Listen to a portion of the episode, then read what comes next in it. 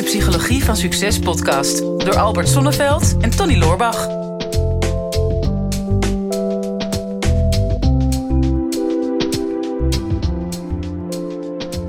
Heb je al gehamsterd, eh, Albert?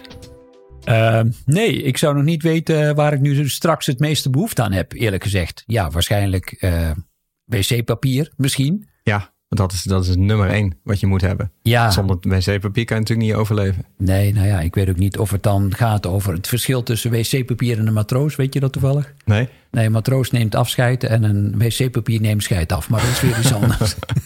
Volgens, mij, volgens mij gaat het daar helemaal niet over, uh, Tori, vandaag. Want... Nee, ik wil hier een bruggetje over zinnen, maar het is geen, geen brug wat hierop aansluit. Nee. Nou ja, er zijn wel een hoop mensen afscheid aan het nemen van uh, aandelenkoersen die naar beneden gaan. Die nemen afscheid ja. van uh, een heleboel dingetjes. En in, in, hun hoofd hebben ze misschien ook al afscheid genomen van hun dierbaren, want er is paniek. Er is paniek. Ja, ja. de hele wereld staat uh, in brand. Ja. Want uh, ja, de aandelenbeurzen zijn in, in elkaar gestort. En uh, die, dat verlies en dat afscheid heb ik wel, wel moeten nemen. Want ik heb inderdaad al twee ton zien verdampen. Maar ik hoop dat dat toch ooit weer terug gaat komen.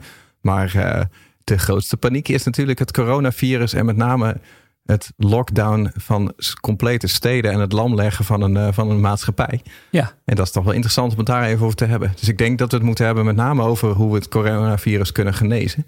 Of wil je het ergens anders over hebben? Nee, het lijkt me heel goed. Nou ja, vooral hoe je ermee omgaat. Hoe je omgaat met paniek. Want als ondernemer krijg je natuurlijk regelmatig in je leven, in je onderneming te maken met paniek.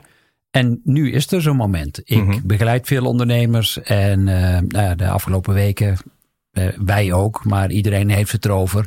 Hoe moet je hiermee omgaan?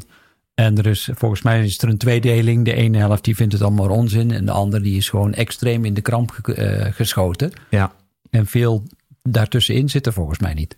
Nee, het is natuurlijk interessant om te zien hoe het zich ontwikkeld heeft. En we zitten nu op een soort van uh, hoogtepunt of dieptepunt. Dat maar net uh, van aan welke kant je staat. Ja. Maar uh, we zitten inmiddels op het punt van complete steden die afgesloten zijn. Italië wat afgesloten is. Amerika die de grenzen dichtgooit. Zoals Trump dat altijd al wilde. Maar, maar dat nu officieel mag doen. En uh, Nederland uh, die aangegeven heeft van uh, blijf, blijf zoveel mogelijk thuis en houd afstand. Het is goed dat wij niet al te dicht bij elkaar staan nu. Dus wij mogen nog wel podcasten met z'n tweeën. Ja, op de, maar, maar wel op een gepaste afstand natuurlijk. Ja, maar het is, het is interessant om te zien hoe het zich ontwikkeld heeft. Ook als ik een beetje om me heen kijk van mensen die zich in eerste instantie totaal geen zorgen maakten om zo'n coronavirus hoeveel mensen daarvan inmiddels bij zijn gedraaid en nu toch in uh, lichte, al dan niet vrij reële paniek beginnen te raken. Ja. En uh, toch ook echt nu in de rij staan bij de supermarkt om dingen te kopen die ze in principe normaal gesproken niet hadden gekocht en niet nodig hadden gehad. Nee.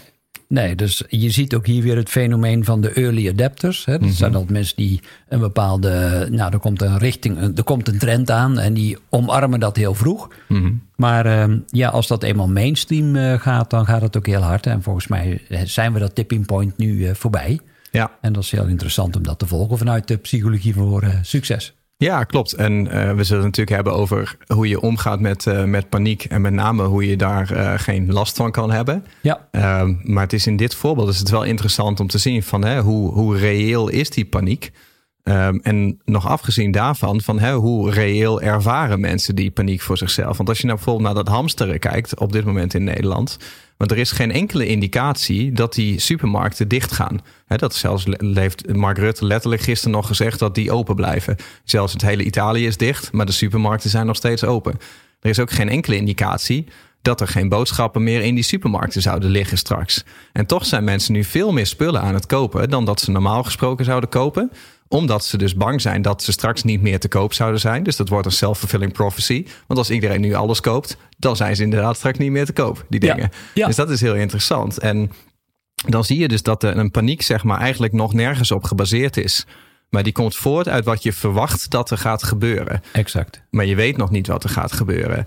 En je ziet dan dat mensen in dit geval dus verwachten van... oké, ik kan het straks niet meer kopen. Dat kan je wel verzinnen. Dus het is een soort van fantasie eigenlijk, die nog niet bestaat. Maar je kan bijvoorbeeld niet een fantasie verzinnen van... stel nou dat het inderdaad gaat gebeuren... en er is straks nergens in het land meer eten te koop... dan hebben er miljoenen Nederlanders hetzelfde probleem. Dan gaan er honderdduizenden mensen honger doodsterven. En dat is veel erger dan het virus waar we ons tegen proberen te beschermen. Dus dat is helemaal niet een reëel scenario dat jij voor zo'n probleem zou komen te staan. En toch kunnen mensen dat niet verzinnen. Maar het scenario dat ze geen eten zouden kunnen kopen, dat kunnen ze wel verzinnen. Ja, dat limbisch systeem, hè, dat, uh, dat stukje oerbrein, dat is altijd zo uh, uh, bijzonder aanwezig. Mm -hmm. Zeker in dit soort situaties. Hè. De angst om de controle te verliezen, de angst voor tekort. Dat zijn uh, natuurlijk angsten die hieronder zitten. Want het heeft in die zin niks met het coronavirus te maken. Maar het is iets wat onbekend is. Mm -hmm. Waar mensen geen grip op hebben. Wat hun kan overkomen. Ja. En daardoor uh, slaat dat limbisch systeem, de amygdala met name, paniek. Mm -hmm. En um, nou ja, het is wonderlijk. 80% van de dingen waar je bang voor bent, die komen gewoon niet uit. Hm. Uh, als je gaat terugkijken in je leven waar je allemaal bang voor bent geweest. Ook hele simpele dingen van, oh, ik ben bang dat ik te laat kom. Meestal was je dan toch net op, net op tijd. Of ik ben bang dat ik geen geld meer heb. En dan bleek er vaak toch nog wel ergens een potje te zijn. Ja. Of ik ben bang uh, dat iemand kwaad op me is. Nou, dat blijkt dan vaak ook een hele zachte landing te maken. Mm -hmm. Dus, uh, maar op een of andere manier willen we maar niet accepteren dat die dingen waar je dan bang voor bent, 80% daarvan niet uitkomen. Dus we gaan met, met name acteren op dat stemmetje wat dan zegt, ja, maar dat is 20% nog wel. Ja, maar wat als? Ja, ja. ja maar het, het, is een beetje het verschil tussen, tussen uh, piekeren en fantaseren. En daar hebben we het volgens mij ook wel eens over gehad als het over burn-outs ging. Ik, ik kan me dat zelf ook nog heel goed herinneren. Hè, toen ik in een burn-out zat en met name het stuk ervoor. Dat toen ging het bijvoorbeeld niet goed met mijn bedrijf. En hoewel dat maar heel kortstondig was, relatief gezien, op basis van hoe lang ik bezig was. Ik, ik kan me dat echt als de dag van gisteren herinneren. Ik lag elke avond in bed te piekeren met een wat als scenario. En dat was echt een, een, een domino die achter elkaar afging. Van dat je verzint van oké, hoeveel geld heb ik nu op de rekening? En welke kosten komen er allemaal nog? Dus oké, okay, dit moet ik nog betalen, dat moet ik nog betalen, zo moet ik nog betalen. En die kosten kun je allemaal wel verzinnen. En vervolgens komen daar de wat als scenario's bij. Maar wat als dit nou straks tegenvalt? Ja. Wat als dit er ook nog bij komt? Wat als ik een onvoorziene kostenpost van de Belastingdienst krijg, die ik maar even verzin? Die worden heel reëel. En dat is eigenlijk piekeren. Hè? Dat je jezelf eigenlijk de verkeerde kant op fantaseert richting een faillissement. En dat is met corona is dat ook van wat als er straks inderdaad niks meer te eten te koop is, dan kan ik niet meer eten en dan, en dan ga ik dood. Dus daarom ben ik nu in paniek. Maar je kan niet de goede kant op fantaseren, waarin je zegt van ja, maar als dit meevalt, dan valt dat misschien ook wel mee. En dan gaat dit misschien ook wel goed. En dan fantaseer je jezelf naar een miljonairschap in je business. En in het coronavirus fantaseer je jezelf naar straks is alles weer uh, goed en wel en komen we er beter uit dan dat we er voor het virus voor in stonden. Ja. Dus, dus wat triggert nou precies dat we die negatieve kant op gaan? Ja. Nou ja, dat heeft weer te maken met dat ook weer dat, dat deel in je hersenen waar uh, wat er ook voor gezorgd heeft dat wij nu op deze planeet rondlopen. En uh, onze ouders hebben daarvoor gezorgd dat wij hier rondlopen. Maar hm. hun ouders, jouw opa en oma, die waren daar ook weer voor. Dus uiteindelijk is het ook goed, want het gaat over instandhouding van de soort. Dat Mhm. is een, toch een van de belangrijkste dingen die we als zoogdieren te doen hebben. Um, nou ja, dan heb je dan ongeveer tot je veertigste jaar heb je daar de kans voor om uh, instandhouding van de soort om daarvoor te zorgen. Voor het nageslacht. En anders is het gewoon jezelf in stand houden. Mhm. Dus we zijn, en dat is zo belangrijk, dat we altijd op zoek zijn naar gevaar. Wat zou er mogelijk die instandhouding van de soort uh, in gevaar kunnen brengen? En 70% van onze gedachten zijn daarom ook negatief gericht. Mhm. Dus die zijn altijd gericht op inderdaad wat zou er mogelijk mis kunnen gaan. En uh, ja, die, uh, die gedachten die zijn nu in ieder geval heel actief. Ja, nou het, het leuke is dat wij hadden het er net met de lunch al even over. Dat je, wat jij ook aangaf, je ziet gewoon eigenlijk uh, alle patronen die mensen hebben, die komen nu aan de oppervlakte. Hè? Je Ja. ziet van welke mensen zijn er als eerste in paniek. Uh, wie zijn de doemdenkers? Wie, uh, wie zijn er nonchalant? Wie staan er vooraan in de rij om te gaan hamsteren? Wie wilde er in eerste instantie niet gaan hamsteren? Maar als iedereen gaat hamsteren, dan gaan ze ook hamsteren. Dus die staan achteraan in de rij. En je ziet daar toch wel dat gewoon hele interessante dingen. Dat bijvoorbeeld hè, het, het egocentrisme in het brein. Dat mensen denken vaak van hè, we doen meer voor een ander dan voor onszelf. Dat is ook zo. Zolang het goed gaat met ons. Maar in eerste instantie is een, mens, uh, een menselijk brein egocentrisch. Hè? Dus je denkt in eerste instantie aan wat is goed voor mij. Ja. En dat zie je met dat hamsteren. Dat jij letterlijk voor een schap staat met paracetamol erin. Dat je denkt, oh, er staan hier tien doosjes paracetamol. Ik ben niet ziek, ik heb geen klachten. Maar ik word misschien ziek. Dus ik neem van die tien doosjes neem ik er vijf mee. Ongeacht het feit dat er nog dertig andere mensen in mij, achter mij in de rij staan die misschien wel ziek zijn. Hmm. En die die paracetamol misschien vandaag wel nodig hebben. En dan zie je toch dat heel veel mensen dat bijvoorbeeld dan niet hebben. En daarnaast dat mensen vaak bij een 100% vrije keuze geneigd zijn om datgene te doen wat de meeste andere mensen ook doen. Dus oftewel, ik maak me nergens zorgen over. Ik ga echt niet hamsteren. Oh, iedereen gaat hamsteren. Ja, misschien ga ik toch ook wel hamsteren. en dat, dat maakt het wel tot een heel interessant spel. Prachtig, ja. Ja, ik, eh, ik kan er met heel veel fascinatie naar kijken. En natuurlijk vooral vanuit mijn achtergrond als eh, psycholoog en ook als ondernemer.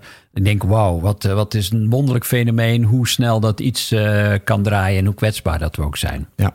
Nou, laten we, eens, laten we eens gaan kijken van, maar wat kun je dan met die paniek? Ja. En, en, en hoe moet je daar nou mee omgaan? Nou, het, ehm, ik heb eh, vijf O's bedacht. Oh, oh. Oh, oh, oh, oh, oh, oh, oh, oh.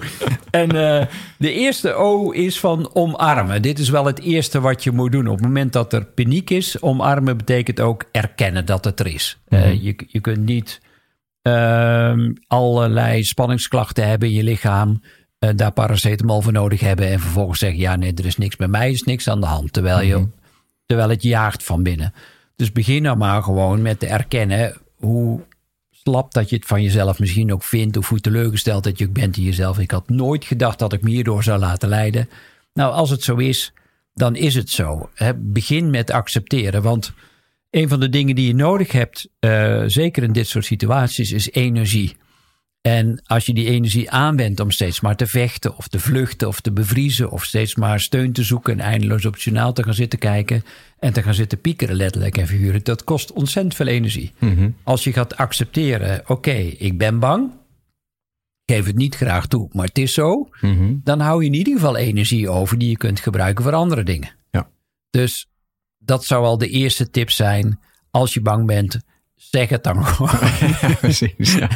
En het gaat niet zozeer over keeping up appearances of eh, stoer lopen doen terwijl je zo helemaal niet voelt. Waarom zou je dat doen? Ja. Want dat is ook weer het mooie van deze situatie, vind ik. Is wat ik al zei, alle patronen worden zichtbaar. Maar alles wat altijd maar een beetje onder de tafelkleed werd geveegd, ja, dat komt nu keihard naar boven. Hè, want eh, alles wat, wat niet meer klopt in de manier waarop je je gedragen hebt of wat er scheef zit in de maatschappij, dat laatste, ja, alle haarscheurtjes die er zaten, die worden nu zichtbaar. Dus dat is het eerste. Ja. Het tweede O is van observeren. Dus Ja, wel, daar zijn oh, wij ook erg goed in. ja, we zijn supergoed. En, dan, en dat het leuke daaraan is, is dat je gewoon je gedachten is wat op afstand kunt gaan bekijken. Zeggen, hé, hey, dat is interessant. Wat gebeurt er nou eigenlijk? Weet je, er is, er is een paniek. En hoe groot is die paniek? Hoe reëel is die paniek? Eh, hoeveel is er van mezelf en wat is er van de ander? Is er een soort collectieve paniek en wil ik daar een onderdeel van zijn of niet? Ja, je wil er ook wel bij horen. Dat is zonde als iedereen samen in paniek is en jij niet. Nee, nee, dan zou, wel, dan zou je daarvan in paniek kunnen raken. Ja, precies. Ja. dan ben ik dadelijk alleen. En dat wil je niet. Nee. En dus, dus ja, hoe, hoe reëel is het? Dus, dus, dus neem afstand daarvan. En ehm, dus observeren is een, de tweede O die je kunt gaan inzetten in langzaam maar zeker je wat losweken van die paniek. Nou, de derde gaat over overtuigen. En dat gaat over de realisatie dat je niet in een levensbedreigende situatie zit. Wat de media ook zegt. En wat de omgeving ook zegt. Of wat de krantenkoppen ook schreeuwen. Hoe reëel is het dat jij uiteindelijk doodgaat aan dit virus? Ja. Heb jij een percentage, Donnie? Nou, kijk, ehm, eh, en daar kunnen we natuurlijk wel wat over zeggen. Alleen eh, dat is ook sowieso wel even een goede disclaimer. Weet je, wij kunnen er natuurlijk wat eh, luchtiger over doen. Omdat wij zelf niet ziek zijn, ook niemand kennen die ziek zijn. En wij, wij nemen het met een korreltje zout. Ik snap dat er een hoop mensen zijn ook die zich wel oprechte zorgen maken van... Weet je, heb je iemand in de familie of jijzelf die een slechte gezondheid heeft, of die een longaandoening heeft, of die wel daadwerkelijk echt dit virus niet moet hebben omdat het dan levensbedreigend wordt, dan snap ik dat je het niet zo leuk vindt als heel veel mensen daar luchtig over doen. Nee. Dus ehm, dat, dat gezegd hebben, dat, daar houden we ook zeker wel rekening mee. Alleen als je naar de cijfers kijkt, zeker met een coronavirus nu, van ja, vooralsnog lijkt het dat 98% van iedereen die het krijgt er gewoon van herstelt. Heel veel mensen die het hebben niet eens weten dat ze het hebben. Dus het aantal besmettingen is waarschijnlijk veel en veel hoger dan dat er officieel is gemeld. Maar het aantal doden is wel letterlijk wat er is gemeld. Want dat, dat, dat, hè, dat is inzichtelijk. Ja. En ehm, daar zie je toch dat zeg maar, het voor mensen zoals jij en ik is, eh, is er in principe geen reden tot paniek, zelfs niet om het te krijgen. Hmm. Hè, want wij zijn ook niet bang dat we, dat we griep krijgen of, eh, of een voedselvergiftiging. Dat is niet leuk. Maar daar gaan, wij niet, daar gaan wij niet dood aan. En dat zie je ook met andere dingen, zoals bijvoorbeeld nu de beurs. Ja, ik ben redelijk fanatiek met aandelen. En ik, en ik heb daar de afgelopen jaar ook een hoop mensen toe aangezet om dat te gaan doen. En dan zie je toch dat gewoon de afgelopen week was het echt een bloedbad op de beurs. En dan knalt zo'n portefeuille bijvoorbeeld 20, 30 procent op een dag omlaag.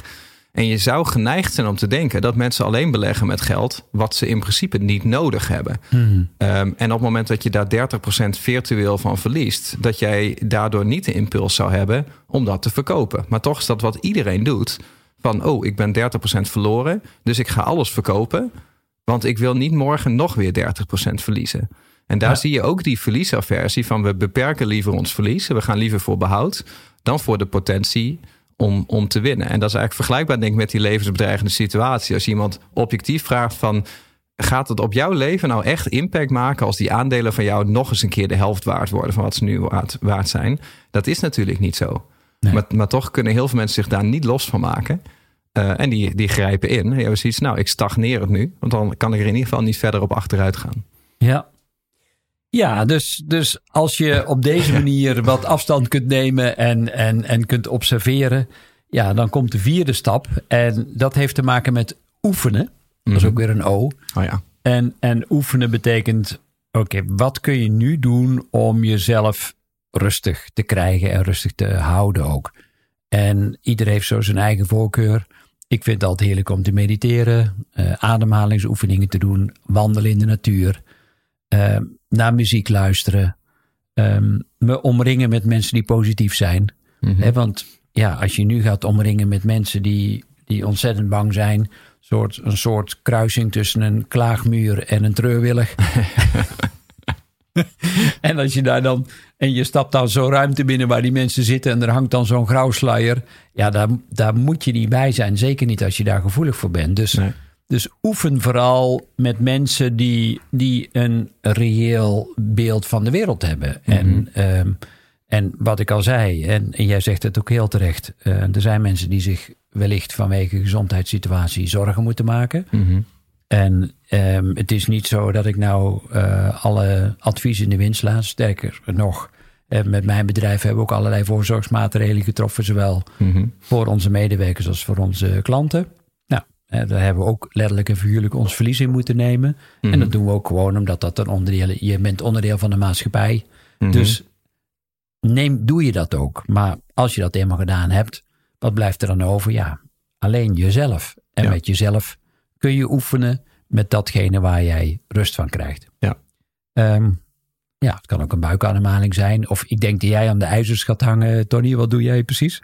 Nou, ik weet niet of ik daar nou heel rustig van word om eh, de sportschool in te gaan. Want eh, ik word er meestal heel chagrijnig van. Het is pas daarna dat ik blij ben dat ik het heb gedaan. Ja. Maar ehm, weet je, kijk, we hebben het nu over het coronavirus. En ik denk, haal de beurs er even bij, omdat het een iets ander eh, voorbeeld is. Maar ehm, het gaat natuurlijk over paniek in het algemeen. Hè? En dat is net als wat ik toen in mijn bedrijf had. Ja, financiële stress zet je ook aan tot paniek. En zo is eigenlijk alles. ehm, het heeft allemaal te maken met verwachtingen. Hè? Van jij verwacht dat er iets gaat gebeuren. Of je bent bang dat er iets gaat gebeuren wat feitelijk nog niet gebeurd is. Ehm, dus het is, het is altijd fictief in, in zekere zin. En ehm, je vraag was, hè, hoe maak je je dan rustig? Denk, ja, wat voor mij toch vaak het beste werkt, is om gewoon er te gaan uitzoomen. En dan zijn die stappen die je net noemde natuurlijk belangrijk voor. Van, hè, als je de situatie niet kan veranderen, nu direct, Het enige wat je kan veranderen is hoe je nu op dit moment met die situatie omgaat. Ja. In het geval van het coronavirus, ja, als de regering besluit dat jij je winkel dicht moet doen als ondernemer, ja, daar kan jij niks aan doen. Dus, en dat is heel zuur en dat kan misschien je faillissement betekenen, maar aan die eerste situatie kan je bijvoorbeeld niks veranderen, behalve dan hoe je ermee omgaat.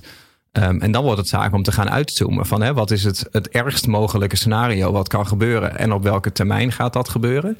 Um, en als je daar lang genoeg op doordenkt, dan zul je zien dat je vaak al wel een beetje een uitgezoomd beeld krijgt. Hè, dat misschien het ergst mogelijke scenario wat jij voor ogen hebt, dat dat helemaal niet, dat dat niet reëel is. Nee. En op het moment dat je realiseert dat het niet reëel is, dan wordt het een stuk rustiger voor jezelf. Ja. Ja, en dan komen we bij de vijfde O. En Hmm. uh, dat is de O van oké. Oké. Oké. um, ja, je bent in die zin veilig. Dat is wat ik altijd weer ervaar, dat er, uh, ja, wat er ook gebeurt in je buitenwereld. Ik, ik, noem dat tegenwoordig blijf in het oog van de storm. Mhm. Dus je weet, uh, in midden in zo'n orkaan, daar, daar binnenin, daar is het stil. Dat is de zesde O. Ja, inderdaad. Maar blijf, blijf daar. Blijf daar. Uh, want waarom zou je daar uitgaan? En waarom zou je steeds meegaan in die turbulentie in je buitenwereld? Ja. Uh, er wordt voor je gezorgd, hoe dan ook. Je woont in een van de meest gelukkige landen ter wereld, waarin Mhm. alles op orde is. Uh, dus, um, en daarin mag je jezelf gelukkig prijzen dat Ja. dat zo is. Mhm. Um, en als je dat steeds meer toe kunt laten, dat je oké bent, je bent veilig. Je kunt veilig gesteld worden. En als je niet meer veilig bent, dan kunnen andere mensen voor jou zorgen dat je veilig bent. Mhm. En hoe meer dat je dat kunt toelaten voor jezelf, ja, dan wordt het, als het goed is, wat rustiger in het oog van de storm. Ja. En kun je blijven totdat die storm is uitgeraasd. Want Ja. we weten één ding zeker: dit gaat een keer over.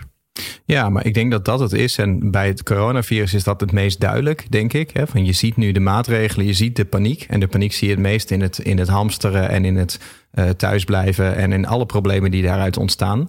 Terwijl uh, op dit moment is de paniek eigenlijk een groter probleem dan het feitelijke virus. Ja. De grootste impact op de economie maakt niet het virus, maar maakt de quarantaine die we doen om het virus te beperken. Dus op dit moment is het medicijn is eigenlijk voor de meeste mensen erger dan de kwaal. Hmm. Zeker omdat de meeste mensen dus niet besmet zijn, maar wel geconfronteerd worden met de nadelen van, van de remedie. En um, dat, dat vergroot het uit. En dat zie je op de beurs, zie je dat ook. Dat in principe is er eigenlijk objectief gezien nog niks aan de hand. Oké, okay, we hebben er een oliecrisis bij. Maar je weet objectief gezien dat dat wat de aandelen uh, een maand geleden waard waren. Het gaat gebeuren dat die aandelen ooit, misschien over een half jaar, misschien over vijf jaar, misschien over tien jaar. Hmm. Maar ze gaan ooit weer net zoveel waard worden als dat ze waard waren. En ja. echt niet één op één. Er zal een keer een bedrijf failliet gaan. Er zal ook echt wel een bedrijf zijn wat niet meer zijn oude waarde haalt. Maar als jij nu de helft van je vermogen bent verloren... dan um, dat ben je pas kwijt als je het verkoopt. Dus als jij inderdaad in het oog van die storm blijft zitten... en je denkt van ik blijf gewoon stilzitten als ik geschoren word... Um, en het herstelt zich uiteindelijk weer, maakt niet uit hoe lang het duurt, dan is er geen directe paniek. Nee. Maar als jij je gedrag gaat aanpassen op basis van de paniek, dus je gaat een andere strategie voeren om die paniek tegen te gaan. Dan ga je dus zien dat, hè, wat met corona ook is, dat het medicijn erger is dan de kwaal. Dus als jij je aandelen met verlies verkoopt en dat is jouw medicijn, dan is dat medicijn erger dan, dan de kwaal die, die je had. Ja, en ik denk exact. dat dat ook is met als je ondernemer bent en je bent in paniek, dat je ineens je businessplan gaat aanpassen, omdat je toevallig vandaag te weinig geld op je rekening hebt staan, of met, met een ziekte, of met welke andere vorm van paniek dan ook dat, uh, dat je het soms gewoon lekker uit moet zitten. Angst is een slechte raadgever. Dus mooi om af te sluiten met wat ga je doen? Ga je vanaf nu dingen doen vanuit vertrouwen of doe je het vanuit angst? En uh, ja, mijn suggestie is in ieder geval: doe de dingen vanuit vertrouwen. Dit is de Psychologie van Succes podcast door Albert Sonneveld en Tony Loorbach. Ja, beste luisteraars, dat was hem alweer voor vandaag. Weer een aflevering voorbij van uh, de psychologie van succes. Ik hoop dat je het waardevol hebt gevonden en um, wat je ons dat ook zou willen laten weten. Uh, mocht je nog niet geabonneerd zijn op onze podcast, doe dat dan even. En wat we heel erg tof zouden vinden, is als je ook even een review zou willen achterlaten. We vinden het natuurlijk heel leuk om te horen van jou wat je van de podcast vond, welke inzichten je eruit hebt gehaald. En om dat natuurlijk in de review-sectie terug te gaan lezen. Heb je nou een vraag en je zou graag met jouw vraag in de uitzending willen komen? Stel hem dan op uh, de social media. Onze kanalen zijn vooral LinkedIn en natuurlijk Instagram. De beste vragen pakken we eruit en grote kans dat je dan terugkomt in deze podcast.